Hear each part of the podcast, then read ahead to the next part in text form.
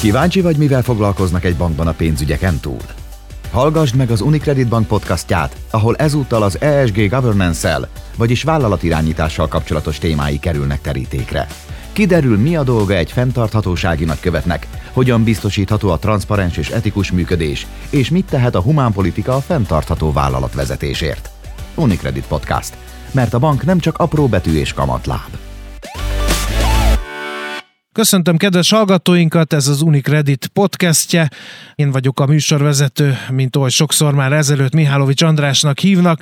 A témek körünk pedig a governance lesz, az ESG G-lába, és hogy mi a célunk a podcast-tel, hogy az ESG-ről nagyon sokat hallunk, eh, miért pont egy bank működésében ne lenne ennek nyoma. Kiemelt szerepet kapott az Unicredit Unlocked stratégiában is ez a témakör, amelyet tavaly év végén mutattak be, és hát elkezdtük mi ezt végig boncolgatni ebben a podcast sorozatban, hogy mit is jelent az ESG egy bank működésében. Az első és második évadunkat ajánlom ez ügyben figyelmükbe, akik most találkoznak a podcastünkkel, ott tájékozódhatnak.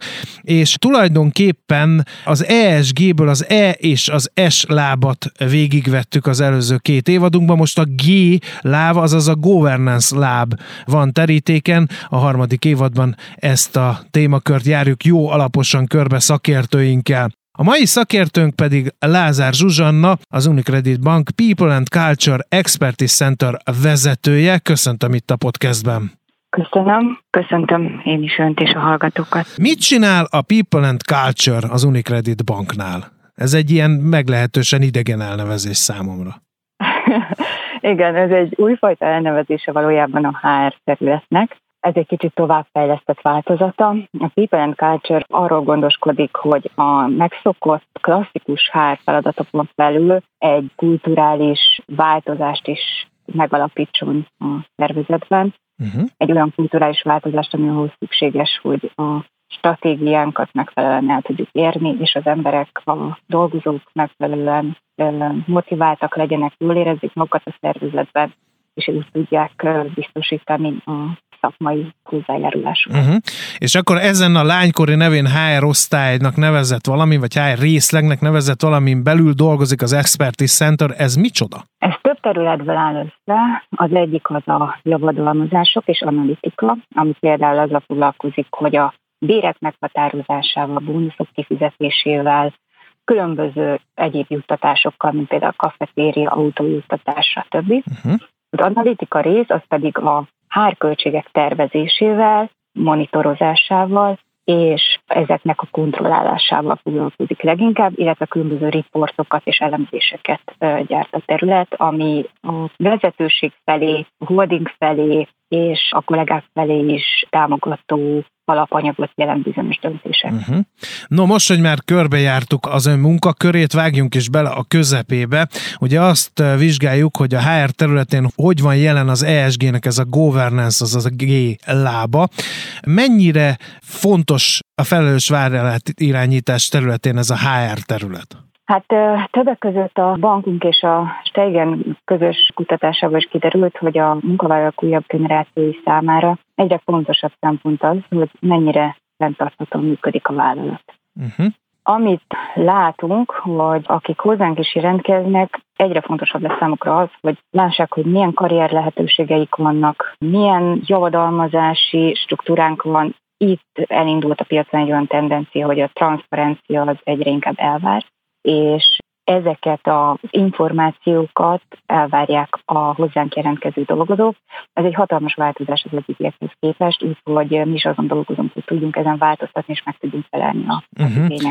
Ez egyébként az álláshirdetésekben szerepel már? Tehát ez egy kritérium egy álláshirdetésben, hogy ez a karrierív, meg amit a munkavállalók elvárnak, amiről az előbb szó esett, az visszatükröződjék mondjuk kifelé is, mondjuk egy feladott álláshirdetés formájában? Hát ezen dolgozunk, hogy ez mondható legyen. Vannak bizonyos munkakörök, tehát ez most egyelőre egy ilyen induló folyamat nálunk, és vannak olyan munkakörök, ahol ezt a karrierutat, ha nem is az álláshirdetésben, de föl tudjuk vezetni egy interjú során, illetve a javadalmazásunkról is adunk egy elég átlátható képet. Mondjon még legyen kedves néhány gyakorlati megoldást, hogy hogy működik ez a gyakorlatban a mindennapokban, mivel találkoznak a munkavállalók? A munkavállalók, amikor mondjuk egy interjú során, meg amikor csatlakoznak a bankhoz, kapnak egy feltérképezést arról, hogy természetesen mik azok a feladatok, amivel neki majd foglalkoznia kell, mik lesznek az elvárások. Ezt igyekszünk nagyon precízen bemutatni nekik, tehát hogy ne legyen olyan érzésük, hogy valamit ilyen gyönyörű szép csili helyzetet lefestünk, és közben valóság más. Tehát ez is egyre fontosabb, hogy ebben is legyen egy átláthatóság, valóságot lássák és úgy válaszolnak. Mert ha nem, akkor meg nagyon gyorsan elveszítjük őket. Egyrészt ezt mutatjuk be, utána arról is beszélünk, hogy milyen lehetőségeik vannak. Tehát milyen területen milyen lehetőségek vannak, és mi szükséges ahhoz, hogy egy adott karrierlépcsőt az illető kollega meg tudjon majd lépni. Illetve van egy javadalmazási csomagunk, amiben bemutatjuk az alapbérektől kezdve az összes vállalati juttatást, elég szép juttatási portfóliónk van, és hogyha ezt így összeszedjük egy platformra, azért az eléggé látványos tud lenni. Tehát amikor ezt a kollégák így egyben látják, akkor eléggé pozitívan állnak a lehetőséghez. Mi a helyzet azokkal a munkavállalókkal, ők mit látnak ebből a programból, akik már ott dolgoznak a banknál? Igen, na ez egy nagyon fontos kérdés, mert hogy arra jöttünk rá, és nem csak mi, hanem ezt tudom, hogy ez így a, a vállalatok manapság ezt így egyre fontosabbnak tartják, hogy hiába gondoljuk azt, hogy belépéskor elmondjuk a kollégáknak, hogy mit kapnak, és egy csomó információt megosztunk velük. Fönt van az interneten, meg lehet találni kis kereséssel ezeket az információkat, de azt vettük észre, hogy amennyiben nem kommunikálunk folyamatosan, tehát hogyha nem látják azt, hogy és egyébként ezt kapod te, mint munkavállaló tőlünk, akkor hajlamosak megfeledkezni róla, és természetesen a bank megítéléssel, illetve a munkavállalók elkötelezettsége és elégedettsége sem lesz olyan szintű, mint amit csak azzal érnénk el, hogyha ezt uh-huh. folyamatosan emlékeztetnénk őket arra, hogy ez hogy is néz. Hát meg ugye nem csak megszerezni kell egy munkavállalót, az se könnyű, de megtartani mostanság már legalább olyan nehéz. Ez így van. Uh-huh. Így Milyen van. módszerek vannak erre? Milyen kedvezményeket kapnak az Unicredit Bank dolgozói? Azért azt nagyon fontosnak tartom kiemelni, hogy valóban van egy olyan lába is a megtartásnak, ami arról szól, hogy milyen kedvezményeket kapnak. Tehát a bankban van egy nagyon kedvezményes munkáltatói hitel, lakáshitel, uh-huh a dolgozók számára.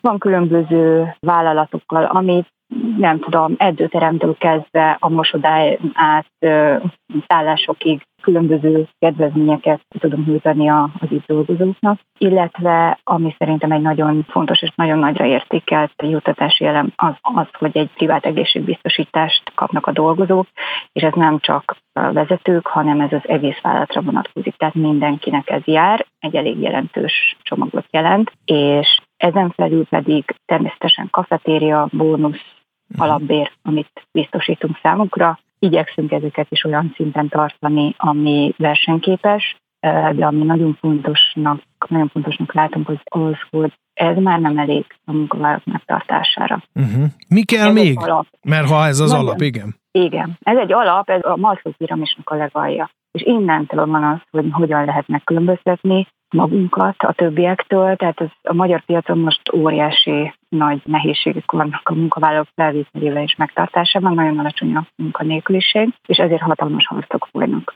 És amit látunk az az, hogy ami előtérbe kerül, az az, hogy egy adott dolgozó például mekkora flexibilitást kap a hétköznapjaiban, tehát az, hogy a ilyen távoli munkavégzést, azt mennyire támogatja a cég, ez lassan alapkövetelményé válik. Nem lehet, illetve hatalmas hátrányba kerül az a munkáltató, aki ezt nem biztosítja a dolgozóknak. A másik nagyon fontos dolog, az természetesen, ezt szerintem nagyon sokan tudjuk, de valahogy nem tudatosul, az az, hogy jól érezzék magukat a munkahelyen. Ez jelenti a környezetet, ahol dolgoznak, a kollégákat, és hát nagyon-nagyon kiemelten a vezetőket. Itt kap szerepet a kultúra, hogy azokat a legfontosabb elemeket adjuk át a vezetőknek és az egész vállalatnak, hogy mik azok az alapelvek, ami mentén működünk, és ezzel biztosítjuk azt, hogy tényleg a kollégák azt kapják, ami szükségesnek éreznek. Uh-huh. Egy ilyen konkrét példát én az előző podcastekben ilyen érintőlegesen már hallottam, ez a munka és magánélet egyensúlyának megőrzését szolgáló csomag. Hallhatnánk erről valamivel többet, mert ez, ez ilyen, ez is van egyre több cégnél, de ez egészen unikális, amiatt az Unicredit Bank bevezetett. Igen, ami itt a munka-magánélet egyensúlyáról szól, az az, hogy gyakorlatilag ez is ugye a pandémiás helyzetnek egy eredője, hogy a kollégáknak elég magas flexibilitást biztosítunk a munkavégzés során. Ez azt jelenti, hogy heti három napot otthon dolgozhatnak, uh-huh. heti két napot kell az irodába bejárni, ez szerintem egy eléggé egyedülálló, vagy hát nem is egyedülálló, de azért ott van a piac által kínált lehetőségeknek a tetején. Illetve ezen belül olyan lehetőség is van, természetesen munkakörtől függő, ezt azért nagyon fontos kihangsúlyozni, nem minden munkakörben elérhető ez hogy a vezetővel való megbeszélés alapján van egy rugalmasság abban, hogy egy adott dolgozó hogyan dolgozik. Ha például neki, nem tudom, délbe el kell menni boltba bevásárolni, akkor a vezetőjével egyeztetve ezt meg fogja tudni tenni. Tehát az a lényeg, hogy a eredményre fókuszálunk. Uh-huh. Azt szeretnénk, hogy az adott eredmény meglegyen, és megfelelő információkat, tehát azt természetesen azt tudnunk kell, hogy, hogy akkor nem tudom, nem számíthatunk egy dolgozóra a kettő és négy között, de ebben egyre nagyobb a flexibilitás a vezetők részéről is. Uh-huh. Ez szerintem egy hatalmas segítség családos embereknek, nem csak családosaknak, aki edzeni szeretne elmenni, vagy éppen nem tudom, orvoshoz, vagy akármi, vagy szeretne elmenni sétálni egyet, szerintem ez egy nagyon-nagyon előnyös kínálat. Megint csak visszautalnék az előző évadban, mert itt beszéltünk már arról, hogy magas a nők aránya az Unicredit Banknál a vezetői pozíciókban. Ezt HR vezetőként szeretném, hogyha ezt egy kicsit kifejteni, hogy ez miért jó a banknak, miért fontos a banknak, és hogy miként támogatja ezt a folyamatot. Az, hogy mondjuk a felső vezetésben 50% a nők aránya a bankunkban, ez teljesen biztos, hogy egy egyedülálló dolog Magyarországon. Az egész szervezetben egyébként jellemző a nők magas aránya, és különböző programokkal is segítjük a női karrierutakat, támogatjuk a nőket abban, hogy először is megértsék azt, hogy esetleg mik azok a korlátok, amik miatt mondjuk nem mernének jelentkezni egy magasabb szintű pozícióra, és hogy hogyan lehet ezeket a korlátokat átlépni. Amiért fontos, az az, hogy sokszor elhangzik ez, hogy mennyire fontos a, a diverzitás.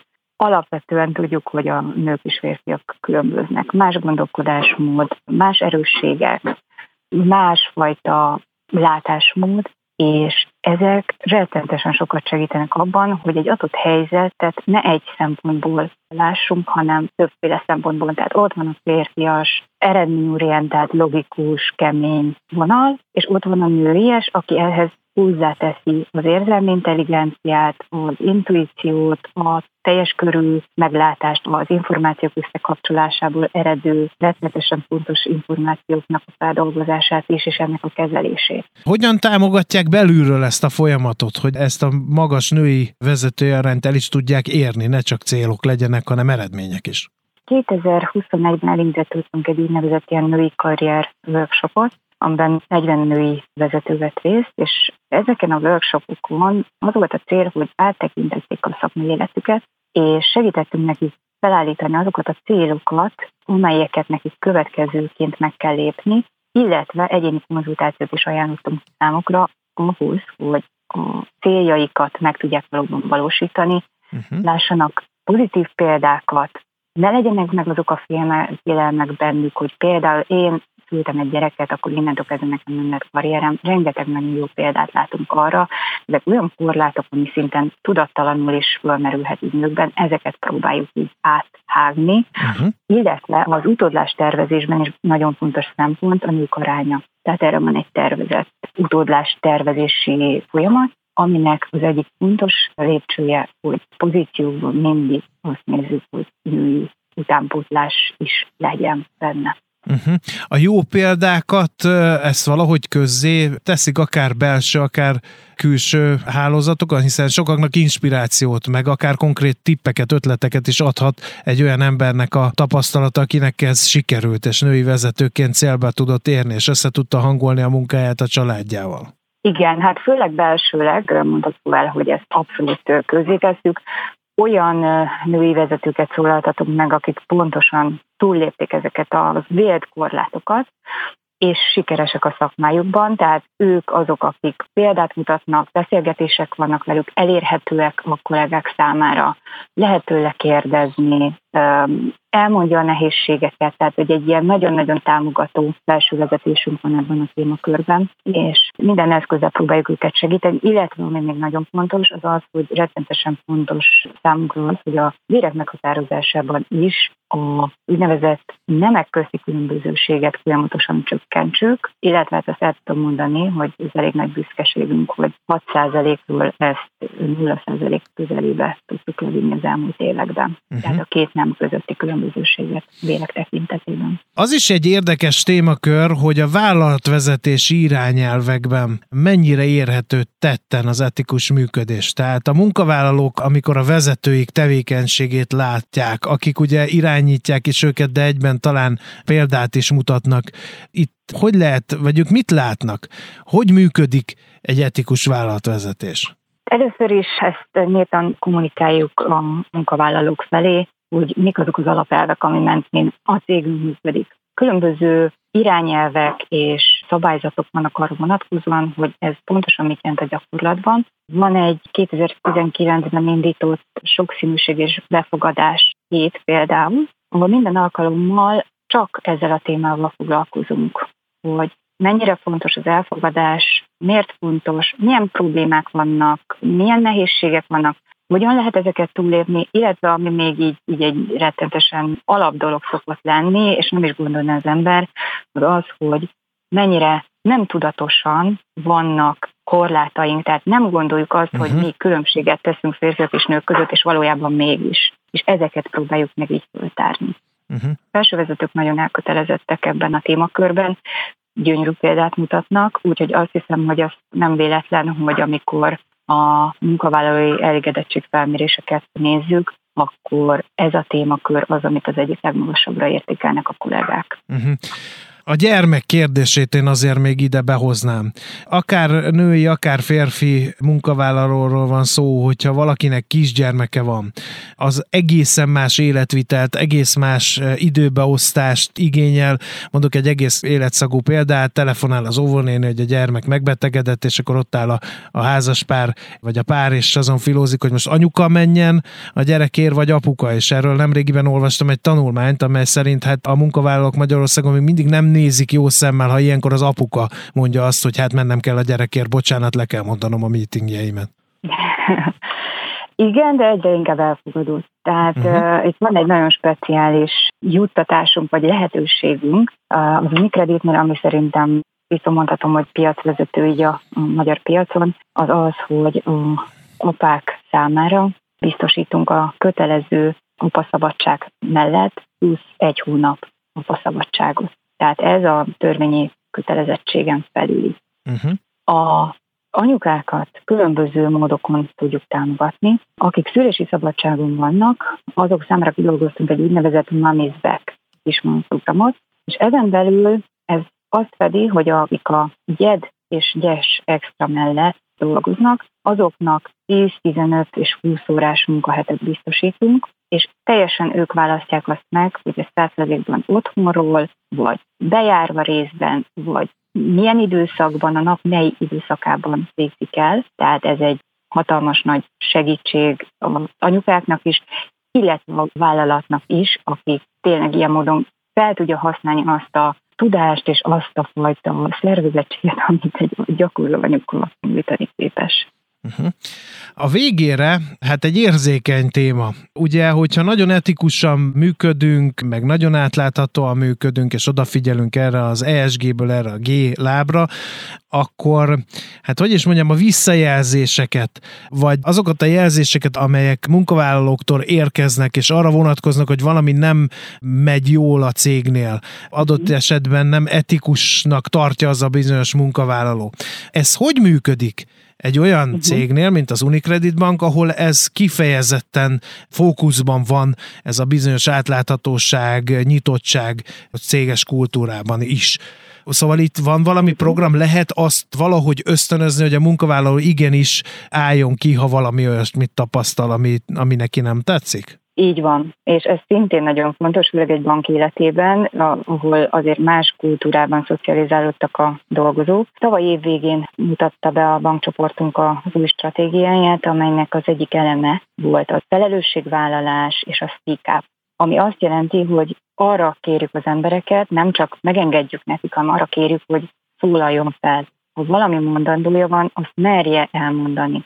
És úgy érezzük, hogy ez egy olyan légkör, amiben ha támogatjuk azt, hogy ne féljenek a kollégák attól, hogy ők elmondják az őszinte véleményüket, ez olyan szinten jelent pozitív előrelépést a bank számára, ami egy hatalmas nagy eszköz és erőforrás. A kollégák, akiket megkérdezünk, ők maguk is úgy érzik, hogy akkor innentől ez az ő véleményük fontos, ő akkor nagyobb felelősséget fog vállalni a munkájáért, és ez rövid és hosszú távon is kívül fontos számunkra. Nagyon szépen köszönöm a beszélgetést Lázár Zsuzsannának, az Unicredit Bank People and Culture Expertise Center vezetőjének. Köszönöm, hogy elfogadta meghívásunkat és megosztotta a gondolatait. Köszönöm szépen én is. Ez volt az Unicredit Podcast legfrissebb adása, amelynek témája a governance és a HR volt. Köszönöm, hogy velünk tartottak, folytatása következik, érdemes figyelemmel kísérni adásainkat. Várom Önöket legközelebb is, a műsorvezetőt Mihálovics András hallották a Viszonthallásra.